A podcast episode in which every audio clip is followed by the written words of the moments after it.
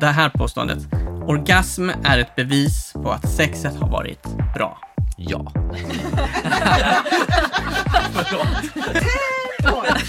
exakt, exakt. Sex om sex i podden RFSU gör till dig som finns i häkte, på anstalt eller i frivård. Sen 2014 besöker vi olika häkten och anstalter runt om i landet och pratar om sex och relationer. I sex avsnitt ska vi nu gå in på några av de ämnena vi brukar prata om under våra besök och svara på en hel del av frågorna vi brukar få. Jag heter Tanvir. Och jag heter Ellen. Idag ska vi prata om vanliga myter som finns om sex, onani och orgasmer. Ja, man har hört massa olika saker om sex och kroppen och det kan vara svårt att veta vad som är sant och vad man ska tro på och inte. Man kan ju ha hört något från en förälder eller en kompis. Eller så kan det vara något man har sett på tv eller i film eller i porr. Och många av de här påståendena är ju myter. Alltså det är typ någon som har hittat på det och sen har det spridit sig som ett rykte. Och till slut börjar man tro på det. Och vi har samlat många sådana här påståenden om sex från våra lyssnare. Och idag så ska vi få prata med några experter från RFSU om var de här föreställningarna kommer ifrån och varför det finns så himla många. En grej som folk brukar reagera på när vi pratar om sex är att vi använder ord som till exempel kuk och fitta. Och Det är ord som används som svordomar, men det är också ord som faktiskt beskriver våra könsorgan och som vi väljer att använda för att vi vill beskriva vad vi menar på ett enkelt sätt. Och ibland funkar de orden. Och ibland funkar det bättre med ord som penis eller vagina. Det beror lite på vad vi snackar om. Så i podden så kommer vi använda ord som kanske kan kännas provocerande. Men det kanske är just för att det handlar om sex. Men det viktiga är att alla använder ord som de tycker funkar. Hej Kalle, Jonas och Åsa. Ni är från RFSU, eller hur? Ja, det stämmer. Hej, hej. Kan inte ni bara berätta, vad är det ni gör? Eh, hej, jag heter Kalle Recklinger och jobbar som sakkunnig i sexualupplysning på RFSU. Och jag heter Åsa Enervik och jag är barnmorska och sexualupplysare på RFSU-kliniken. Och jag heter Jonas Lemon och jag är sexualupplysare på RFSU. Bland annat med att arbeta just på anstalter och häkten. Okej, vi kommer ju gå igenom ett gäng vanliga påståenden som vi har hört om sex. Men innan vi dyker in på dem så tänkte jag kolla om ni har några favoritmyter som ni vill berätta om. Ja, men jag gillar, eller jag har kanske en grupp myter som jag gillar. Det är alla myter som har att göra med första gången man har penetrativt sex. Alltså att det skulle vara som att man inte kan bli gravid första gången man har penetrativt sex. Eller att man inte kan få en könssjukdom första gången man har penetrativt sex. De tycker jag är ganska vanliga. Jag har ofta hört dem utomlands av någon anledning. Och de tycker jag är, är spännande. Det är såklart inte sant, det är en myt. Man kan få bli både gravid och få könssjukdomar. Oavsett om det är första eller hundrade gången man har penetrationssex. Mm. Men jag tycker att det är spännande. Varför liksom just första? Alltså det finns så mycket liksom grejer kopplade till första gången. Även den här, både rädslor men även den här idén om att ja, men första gången är man lite skyddad. Det gills liksom inte riktigt. Mm. Så Det tycker jag är kul. Ja, men jag har ju en myt och det är den om onani. Som om att det skulle vara farligt att onanera. Eh, ja, tappa kraft eller att man skulle sabba sexlusten och sådär. Det, är det är min favoritmyt, får jag säga. Och nu kommer vi som sagt läsa upp en massa påståenden, så får ni svara. Ja, jag hörde när jag var liten att man eh, blir hårig om händerna om man onanerar. Den gamla klassikern. Nej. Den stämmer inte? Nej, det stämmer inte. Nej, den stämmer Nej. inte. Det fanns också länge en föreställning om att man skulle bli sinneslö, alltså lite, lite korkad om man, om man onanerade för mycket. Stämmer inte heller. Onanin är bra. Allt, jag tänker att man ska tänka hurra för onani. Onani ja, gör oss gladare mera. och smartare. Men jag är lite på samma spår som Åsa. Ibland får jag höra att det skulle vara dåligt att onanera innan träning eller innan man ska göra någonting eh, kroppsligt som kräver mycket av en. Liksom. Att man skulle bli svagare på något sätt. Och det stämmer ju inte. Alltså det kan ju stämma för vissa att man känner att, att eh, liksom prestationer går ner lite för man känner sig trött och slappnad och avslappnad. Men för andra kanske det är tvärtom, att jag presterar bättre om jag får vara lite avslappnad. Så det mm. finns inte som säger att det alltid är dåligt att onanera innan träning. Mm. Man ska inte låta det ena eller andra hindra en om man säger så.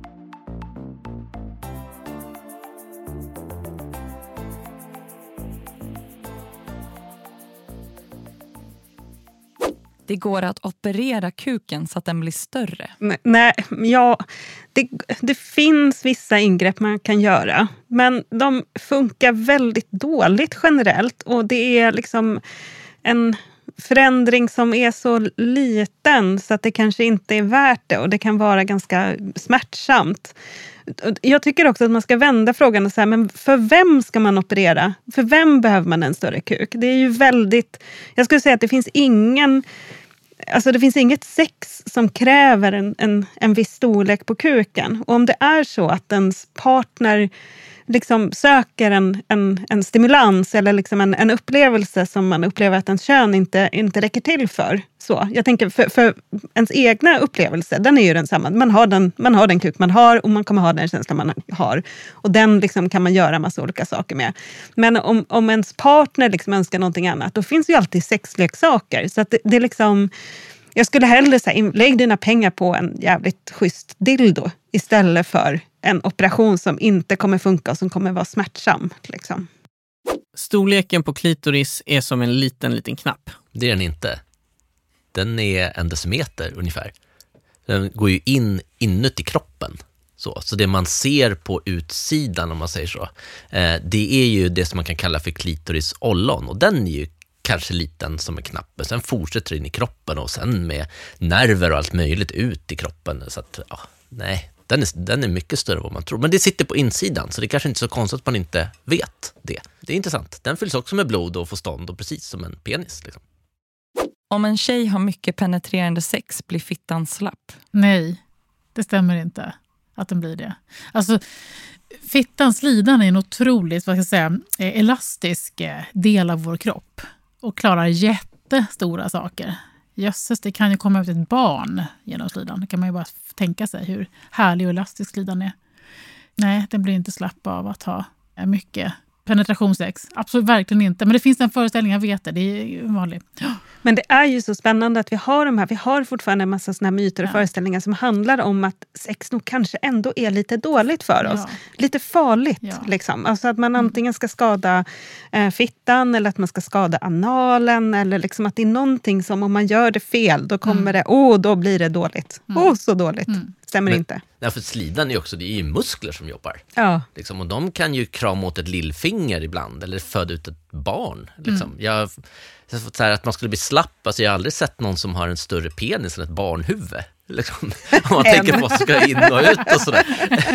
och sen så tänker jag också att här, en person som kanske van, alltså som kanske har haft mycket sex, kanske kan hantera de här musklerna i van, så här, knipa när det behövs, mm. den kanske kan upplevas som så här, inom citationstecken då, tajtare än någon alltså som kanske inte är lika erfaren.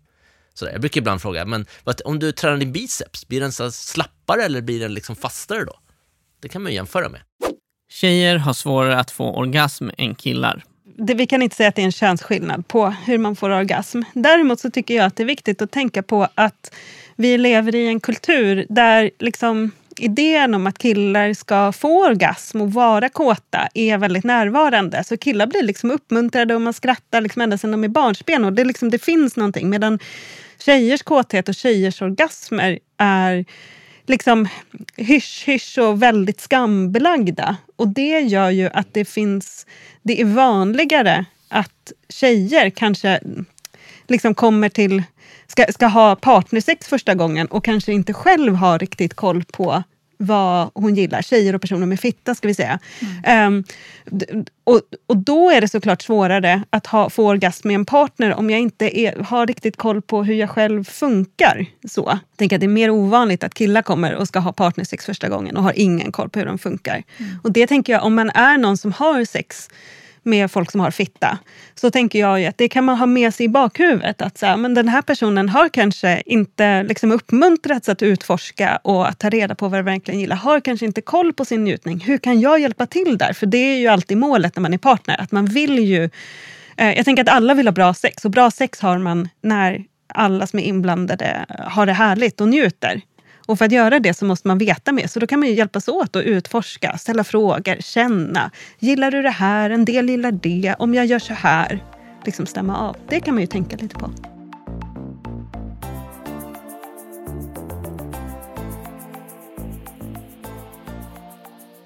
Spermier kan ta slut om man onanerar för mycket. Nej, det kan de inte. Man, man producerar nya spermier hela tiden, dygnet runt. Oavbrutet kommer det nya spermier. Tjejer kollar inte på porr. Jo, det gör de. Både tjejer och icke-binära kollar på porr. De kollar mindre på porr än vad killar gör.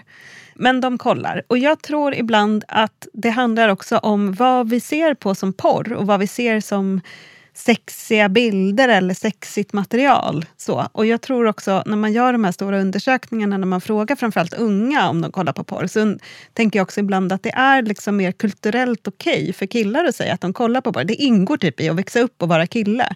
Men om man inte är kille och växer upp så är det liksom lite fult att säga att man gillar att man kollar på porr.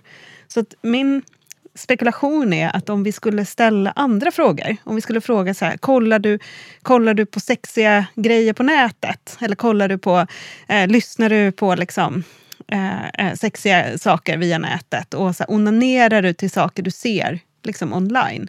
Då tror jag att vi skulle få en mycket högre andel som faktiskt sa att de gjorde det och en mycket högre andel tjejer. Och lite samma tema där då, har vi nästa myt. Att killar är kåtare än tjejer. Vad säger du om det Jonas? Nej, alltså det där är med olika personer är olika kåta oavsett kön. Liksom. Det finns killar som är jättekåta och tjejer som är jättekåta och icke-binära som är jättekåta och så finns det de som inte är lika kåta och allt däremellan. Liksom. Och det är så bundet till olika situationer i livet, vad, hur man mår och allt möjligt så att det har ingenting med könet att göra. Och det, vi pratade om klitoris, vi sa lite snabbt att den fylls med blod och, och så, precis som penis och får stånd och alltihopa, så kroppsligt funkar vi också väldigt lika oavsett vilket könsorgan vi har. Liksom. Så att nej, det har ingenting med kön att göra. Däremot kanske man har fått, som vi var inne på, man har fått lärt sig som kille att det kanske är mer okej okay att vara kåt och liksom visa sådana känslor. Men tjejer kanske inte fått höra att lite mer att man ska hålla tillbaka det där lite grann och inte vara så utlevande. Liksom. Eh, men det har ju mer med liksom, kulturella föreställningar att göra än hur vi faktiskt fungerar. Påstående. Man kan se om en tjej har sex eller inte. Nej, man kan inte se om en tjej har haft sex eller inte. Punkt, Punkt. skulle jag säga. Ja, ja. faktiskt. Ja. Man kan inte se om en kille har haft sex heller. Nej. Man kan inte se om eller, någon har haft sex. Nej. nej. nej. Och det här då, tjejer blöder vid första samlaget? Nej, det är också en myt. Man tror att det är så, men det, så är det inte. Det kan hända, men det kan hända vid ett annat samlag än det första samlaget också. Eller också blöder man inte alls. En annan myt här då. Man kan se på en person om den har en könssjukdom. Nej. Eh, vet ni vad, den här tycker jag ändå att barnmorskan ska svara ja, men det, på. Ja. Nej, ja, jag säger nej också. Jag håller med dig. men det är klart att om man tittar riktigt nära någon gång och någon har en liten blåsa någonstans på könet så kan man ju se den. Men annars kan man inte. Men det är en sån föreställning att man kan se utanpå någon om den har en könssjukdom eller inte. Ja. För man måste testa det? man måste testa för att veta om man har en könssjukdom. Mm. Precis. Nytt påstående. Man måste vara kille eller tjej. Nej, det finns massa personer som inte identifierar sig som varken kille eller tjej. Som ibland identifierar sig som det ena och ibland det andra. Som ibland identifierar sig som inget alls. Som tycker att det där med kille och tjej är helt, helt obrukbara kategorier. Det finns också de som förändrar sig eh, under livets gång. Så det absolut bästa är att fråga folk hur de vill bli benämnda och hur de ser sig själva. Mm. Den här då? Sex är något naturligt som alla vill ha. Jonas? Nej. Man kan vara asexuell till exempel. Då är man inte så sugen på det här med sex. Eh, och så natur, alltså, som jag sa för tidigare, det handlar mycket om mående och hur man känner och, och sådär. Så, vissa tycker mycket, om att ha sex mycket och vissa lite och vissa inte alls. Liksom. Och så kan det variera över livet ju. Verkligen. Ja. Okej, okay, eh, det här påståendet. Orgasm är ett bevis på att sexet har varit bra. Ja.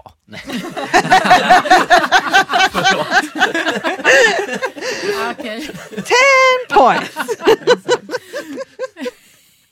ja. Målet är nått. Precis. Nej, sex kan Nej. vara jätte, jättebra ja. även om ingen får orgasm. Sex ja. kan liksom vara bra, någon får orgasm och mm. sen fortsätter det att vara toppen. Mm. Det är som en del som kan hända som kan vara härlig med sex. Men det finns så mycket annat som är härligt också. Det är olika från person till person. Närhet, att det känns skönt, att det är spännande, att det är roligt. Alltså det är så mycket som folk går igång på på sex. Mm. Mm. Det kanske var din fråga? Åsa. Nej, men jag håller med. instämmer med allt. Och så har vi sådana otroliga förväntningar eller föreställningar om vad en orgasm är. Så, som man kan behöva prata lite om ibland. Sex kan ju vara alldeles underbart utan, att, utan en orgasm.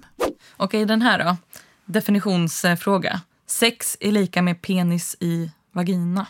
Är det så? Nej. Man kan ju ha, alltså, vi har ju en kropp som är mycket mer än våra könsorgan. Och det finns massor med kön, sköna ställen på könet som man kan pilla och peta och slicka på och göra allt möjligt med. Liksom. Jag tycker man ska ha lite bredare synsätt än så på vad sex är, så kommer man ha det lite göttigare och skönare också. Okej, så nu har vi gått igenom ganska många påståenden om sex och vi är inte färdiga ännu. Men vi undrar lite, varför finns det så många myter om sex tror ni? Kalle, vad tänker du? Nej, men jag tänker att dels är det för att det kan saknas kunskap för att man inte får den information man behöver. Både om liksom partnersex, men kanske framför allt om att vi pratar för lite om den egna kroppen och vad som är härligt med kroppen och, och att vi liksom ger, ger varandra utrymme att liksom fundera och tänka och fråga saker kring det. Så vi har en så samhällsidé om att sex är något lite fult och skamligt. Och när man kopplar ihop de två sakerna, att det både då saknas kunskap och att det är någonting lite fult och skamligt, då har vi liksom en, en grogrund för att folk ska undra massa saker och inte våga fråga. Och då skapas det myter. Och så upprätthålls de här myterna. Mm. Och liksom bara fortsätter och fortsätter och fortsätter. Det sprids som rykten, typ. Precis. Och man vågar inte fråga och sen så säger man jag tror att det är så här. Och en del saker tänker jag har liksom fortsatt i generationer. Ja, men det här som Åsa tog upp om att det är fult att onanera. Liksom. Mm. Det, jag, vet inte hur, jag tänker att vi har pratat om det hur länge som helst och det, det hjälper liksom inte. Folk tror fortfarande att det är fult att onanera. Mm. Mm. Jag tror också att det finns olika frågor som har med moral att göra, som, häng, som hänger ihop med det här. Och det har att göra med det här vad som är fint och vad som är fult och sådär. Och att vi tror så mycket att alla andra är så himla normala. Så att det jag gillar och det jag gör, det kan inte jag liksom berätta. Och sen visar det sig att när man gör mer anonyma undersökningar så gör alla ungefär allt det här onormala, knäppa. Liksom. Mm. Så, mm. Men man tänker att sex, nej men det är släckt lampa, penis i slida efter klockan nio på kvällen. Mm. Liksom.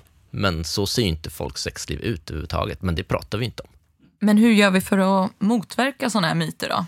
Åsa, har du något tips? Ja, men jag, jag tänker bara utifrån min egen så profession, alltså vad jag jobbar med. Att nästan alla jag möter, eller ja, kanske alla till och med, det handlar om att ge information. Eller ta reda på vad människor vet och vad de vill veta. och Ge information. Prata med människor om, om sex och kroppen och lustanatomi. Alltså nästan alla jag möter pratar jag kropp. Alltså den här vanliga basala, alltså anatomi. Hur funkar könet? Hur funkar sexlusten? Det tror jag är jätte, jätteviktigt. Och då slår jag ett slag för vårdpersonalen då såklart. Att vi behöver bli jättemycket bättre på att fråga om eh, sexuell hälsa. Det är en del. Nej, men jag, ja, verkligen. Alltså prata och mm. att hela tiden jobba emot den här idén om att det ska vara något skamligt och fult. Att liksom lyfta i skolan och i andra sammanhang. Jag tycker också att vi ska ha mer skildringar av liksom sex och relationer och liksom större variation i det vi ser som sex och relationer. Jag är så trött på den här idén om att sex ska vara liksom kuken i fittan, mm. eh, sexet. Alltså, ge oss fler skildringar liksom i låtar i litteratur, i film, i musikvideos. Ge oss liksom bredare idéer om vad en relation kan vara, hur den kan se ut och vilka som kan vara där. Ge oss en bredare variation av de kroppar vi får se i sexuella sammanhang. Vem anses vara sexig och härlig? För det är där sådana här påståenden eller rykten också och myter kan komma upp. Liksom. Ja men absolut. Där, där, och där kan vi också befästa en massa idéer om det som Jonas pratar om, vad som är normalt och inte. Att det är normalt att göra så här men inte så där. Eller det är normalt att se ut så där när man kommer men inte så här. Eller en sexig kropp den ska alltid vara så här. Eller ihop det är man bara med någon av annat kön än det man själv har. Alltså alla de här föreställningarna liksom bara återreproduceras i det. Eh, om vi inte pratar om det och säger att det kan vara på en miljon olika sätt, då blir ju det till, till slut sanningar. Och så uppstår de här myterna då när någonting avviker om att det där är nog farligt. så, det är nog fel. Jag tycker också väldigt synd om olika myter och föreställningar ska begränsa människor i vad de vill göra liksom, och vad de tycker om. Mm om man kan tänka liksom att så här, men om jag gillar en viss typ av sex eller om jag vill vara tillsammans med en viss typ av människor och jag, och jag hittar personer att liksom leva ut det här med, så, så fine. Det är liksom lugnt, du får göra som du vill. Okej, är ni redo för fler påståenden om sex? Hit oss! Ja, ja, kör.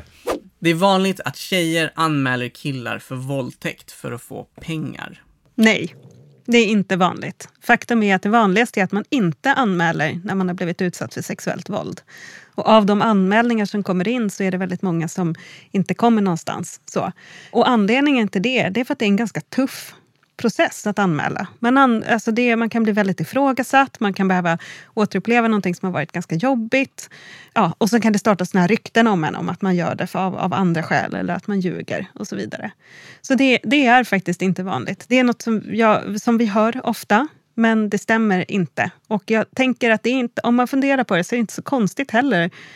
Det blir tydligt för en om man tänker lite mer. Ja, men hur skulle det vara att gå in på en polisstation och behöva anmäla att man blivit utsatt för sexuellt våld. Hur är det att sitta ner i ett rum med en främling och behöva beskriva en, en, dels vad man har för sex och vilka man träffar, men också att man har blivit, att man har blivit utsatt för något som man absolut inte vill. Det är en ganska tuff grej. Det gör liksom inte folk. Och, och gå igenom en hel rättegångsprocess och så. Och sen kommer det en hel process efter det, liksom, där man ska göra det här om och om, och om igen. kanske så. Det, det är liksom ja, men då, skulle det, då skulle man behöva få väldigt mycket pengar. Och det får man faktiskt inte i ett svenskt rättssystem. Så. Och även om det var jättemycket pengar så är det få som skulle vilja göra det. Okej, jag har ett nytt påstående. Mäns lust är okontrollerad och tar över deras kropp och styr. Och Det här är någonting som kvinnor behöver skydda sig från. Jonas, det är en ganska vanlig, ja, men vanlig föreställning. Jag känner igen det där jätteväl från de män jag möter. Jag träffar ju mest män där jag jobbar. Så vi får prata väldigt mycket om just precis det. Alltså jag möter så män som är fångna i den här, för, den här, den här eh, myten. Att man själv är på något vis, jag måste göra det här för att jag måste få utlopp för annars kommer jag bli sjuk. Eller jag kommer få ont i pungen om inte jag får en utlösning. Eller, alltså det finns otroligt många sådana föreställningar som jag pratar med män om jätteofta, verkligen. Och där kommer onanin in också, för det finns en föreställning om att man kan kontrollera, man måste ha metoder för att kontrollera sin sexlust. Till exempel att inte onanera i långa perioder för att liksom dämpa, så, eh, tygla den här liksom enorma kåtheten. Men det är alltså en myt? Det är en myt. Jag var lite rörig där kanske, men det är en myt. Frågor om män faktiskt. Ja. Om min kille får stånd så betyder det att han är kåt. Nej. Så behöver det inte alls vara. Varför inte? Nej. Man kan, få, man kan vara kåt och inte ha den minsta antydan till erektion. Man kan ha en erektion för att man är kåt och det är jättehärligt. Man kan också få en erektion för att man är nervös eller för att man eh, sitter på en buss och det vibrerar. Eller man kan vakna med stånd med en erektion och inte vara kåt. Det har ingenting med sexlust att göra eller kåthet att göra. Det är ju kroppens sätt att jobba under natten när man sover. Ja allt det här händer ju klitoris också. Ja, för att det syns inte. Nej. Så då pratar man inte om det. Nej. Men stånd har alla, lite här och där och då och då. Ja, ja just det. ja men precis, ståndet är ju liksom en, fysisk reaktion. Mm. Eh, så. Och jag tänker att kåtheten är en mental grej. Och, och sen kan liksom kroppen få liksom svara på stimulans och, och liksom gå igång via det här mentala. Men det liksom är det, det, fysiska utesluter liksom inte den mentala kåtheten. Det sitter i hjärnan, brukar vi säga. Ja. Mm. Det sitter i hjärnan. Okej, okay, här kommer en till. Ett samlag pågår jättelänge. är det sant, Kalle? oh, gud, vad rolig fråga. Förlåt, man ska inte skratta åt folks Ett myter. Asflabb. Ja, men det var så roligt det här med jättelänge. Flera ja. år. Ja, precis. Hos elefanterna pågår samlaget i sju till nio år. Ett, samtal kan, ett, samtal, ett samlag kan pågå i ett par sekunder och det kan pågå länge. Hur man nu definierar länge. Det är ju liksom väldigt individuellt. Men vad är snittet? Snittet är par minuter, eller hur? Ja, tre, fyra minuter. Fyra minuter ja. ja, tre, fyra minuter. Det är liksom ett genomsnittligt samlag. Det kan ju vara bra att ha med sig. För att ibland så tror folk att allt under 30 minuter är ett misslyckande. Och då tänker jag att så här, då har man liksom en felaktig bild av liksom hur sex ska vara. Och sex bestäms mm. ju inte, kvalitet, kvaliteten på sexet bestäms liksom inte av hur länge någonting pågår, utan hur härligt det är tänker jag också. Så. Det behöver inte pågå jättelänge. Det kan vara superhärligt och superkort. Kan vara längre, om alla vill det. Så. Mm. Men då ska man liksom också vara lite noga med att det fortsätter vara lubricerat mm, eller att det fortsätter vara, liksom, finnas glid där. Så, så då kan man ju, ska man hålla, känner man att man vill hålla på ganska länge, då ska man liksom bunkra upp med lite glidmedel. Mm. Så, att man, så, att, så, att, så att ingen får något skav. Så. Och folk som säger att de har haft sex jättelänge, de kanske har gjort andra saker än bara samlag. Exakt. Det kan ju vara så, alltså sex kan ju börja med en blick liksom, och liksom beröring och man kanske har hånglat. Och man kan ju också, så här, det finns ju också en idé om att sex alltid ska gå till i en viss ordning. Man ska liksom titta, krama, pussa, hångla, ta av kläder, ratta brösten, liksom, ta på könet. Alltså, så, det finns en idé om det där. Men sex kan ju vara mycket, mycket mer än så. Man kan ju liksom bara kasta upp alla de här aktiviteterna och liksom ta dem i oordning. Eller liksom börja med en och sluta med den och börja med något annat och komma tillbaka till den första. Alltså det är liksom, alla de här idéerna om hur det ska vara tycker jag att man ska utmana och fundera på men hur skulle jag vilja göra då? Vill jag göra något annat? Okej, nu har vi gått igenom ganska många myter. Vi kommer tillbaka till dem. Men eh, jag tänkte, hur gör man för att lära sig mer om sex? Hur ska man veta vad som stämmer eller inte? Det är ganska mycket saker som sägs om sex och som du var inne på Kalle, att det är mycket i film och tv och musik överallt liksom om sex. Va- Vart ska jag vända mig för att lära mig mer? Ja, men som ung man kan till exempel gå in på umo.se om det är sådana tips vi ska komma med. Så Mm, tänker jag att det korta. kan vara ett bra tips. Eller gå in på RFSUs hemsida. Det finns massa härligt och bra att läsa om sex på alla möjliga olika sätt där. Boka en tid hos sin barnmorska kanske, på en mottagning. På ungdomsmottagningen eller på könsmottagningen eller så. Ja, Ja, är man upp till 23, ungdomsmottagningen tycker jag är ett ja jättebra det är det ställe. bästa stället. Ja, om man har frågor. Mm. Eh, så. Sen är man i en situation, om man till exempel sitter inlåst och inte har tillgång till nätet och kanske så när man vill, så men ofta kanske man har ett bibliotek, man kanske kan få, kan få tag i en bra bok. Eller det, skrivs, det har ändå skrivits en hel del bra böcker om sex och så. Vissa är ganska lättsamma och roliga och vissa kanske är lite tyngre sådär. Men det finns ju att läsa på. Det gör Och det. finns det inte så kan man alltid fråga den som är ansvarig för biblioteket att ta in mer. Så, för det här är jätteviktig kunskap. Man har rätt till den här kunskapen. Vi fortsätter med lite fler myter. Jag har en myt här om någonting som kallas för mödomshinnan. Att det ska finnas en slags hinna inuti slidan som spricker vid första samlaget. Det finns ingen mödomshinna. Det är en myt. Jag brukar fråga vad skulle mensblodet ta vägen om det var till exempel om det var en hinna som låg i vägen. Så kan man ju fundera på, apropå logiskt och inte. Men det är också så här, man vill, på något sätt har man velat kontrollera sexualiteten på olika sätt, speciellt unga tjejers sexualitet och då har man hittat på sådana här saker, att det är bra att vara oskuld då, till exempel och så. Att, och att det, blir, det händer något med kroppen. Men nej, det händer, det är som vi sa förut, man kan inte se på någon den har haft sex eller inte. Det här är ju typiskt en sån grej som dyker upp på filmer och, och böcker och sånt där. Fast mindre och mindre ändå. För, för, alltså jag fick lära mig i skolan typ att det fanns en mödomshinna. Ja, ja. Det får, behöver man inte lära sig idag. Så, så unga personer har oftast inte hört talas om det här och det är ganska skönt. Det finns en del myter, även när man liksom slår hål på dem så kan man se att människor bara tittar på en och bara, nej du ljuger. Det, det, jag vet att det här är sant. Att det, en del saker kan vara svåra att ta in. Och jag upplever att just myten om mödomshinnan, det är en sån som när vi säger så här, det finns inte, så kan folk ibland titta på mig och säga så här, ja, för dig kanske, men för mig finns den. Och jag tänker att den, så att, Idén om mödomshinna kan ju finnas kvar liksom kulturellt även om vi vet att så här, det här är inte på riktigt. Ja, men att inte ha samlag kan ju vara viktigt för någon. Ja, Eh, och Ja. det kanske känns skönt att tänka att det finns något i kroppen. Så. Okej, här är ett påstående. Man kan inte bli gravid när man har mens. Åsa? Nej, men, eh, precis. N- nej, det kan man inte. Men, men om man har en väldigt oregelbunden menscykel så skulle det ju kunna hända. Ja, så att det är bra att ha en bra preventivmetod. Okej, här, här är ett lite mer allvarligare påstående. HIV är lika med en dödsdom. Nej, inte som idag när vi har bra mediciner som gör att vi faktiskt, alltså det är som vilken annan sjukdom som helst, som man har, en så kronisk sjukdom som man har, som man behöver äta mediciner mot. Äter man sina mediciner och går på sina läkarkontroller så mår man bra, även om man har hiv faktum är att eh, om man lever med hiv och har fått välinställda mediciner så överför man inte heller hiv vid sexuella kontakter. Så man kan faktiskt säga att det är säkrare att ha sex med någon som lever med hiv och känner till det och har medicinering än att ha sex med någon som inte har testat sig på väldigt, väldigt länge. Okej, men Jonas, vad ska man tänka om man hör någonting om sex som man tror är en myt? Jag kan tänka att när det handlar om sex och myter, så här, om man tänker så här, stämmer det här verkligen?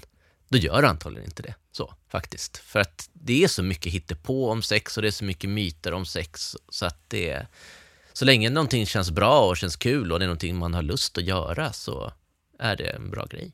Det verkar ju som att mycket av det som vi har hört om sex kan vara mycket hittepå och det kan vara myter som sprids runt liksom. Men vad tycker ni vi ska ta med oss från det här liksom? De myter som vi gått igenom och liksom det som ni får höra ibland, påståenden och sånt. Ja, men jag tycker att man ska ta med sig att sex kan vara så mycket mer och på så många andra sätt än vad den här standardberättelsen är. Och att man ska tillåta sig själv, unna sig själv att få eh, utforska det lite grann. Och att man också ska ta sig tid och lära känna sig själv så, jag tror att ju mer kunskap jag har om min kropp, desto bättre sex kommer jag ha med andra. Ju mer jag vet om min egen kropp, desto mer intresserad kommer jag vara av hur andras fungerar. Så att jag tycker verkligen att så här, lägg tid på att skapa en bra relation till din egen kropp och gilla sex med dig själv. Så kommer det att vara eh, jättebra för, för när du ska ha sex med andra. Det är nog mitt medskick. Bra medskick. Mm. Tack så jättemycket. Tack själv. Ja, tack. Vad mycket vi har fått lära oss idag. Många myter som har eh, slagit hål på. Exakt. Du har lyssnat på Sex om sex, en podd från RFSU. Lyssna gärna på våra andra avsnitt. Bland annat om sexiga signaler man kan köra med när man ligger eller om varför vi blir svartsjuka. Den här podcasten har producerats i samarbete med produktionsbolaget Soundtelling.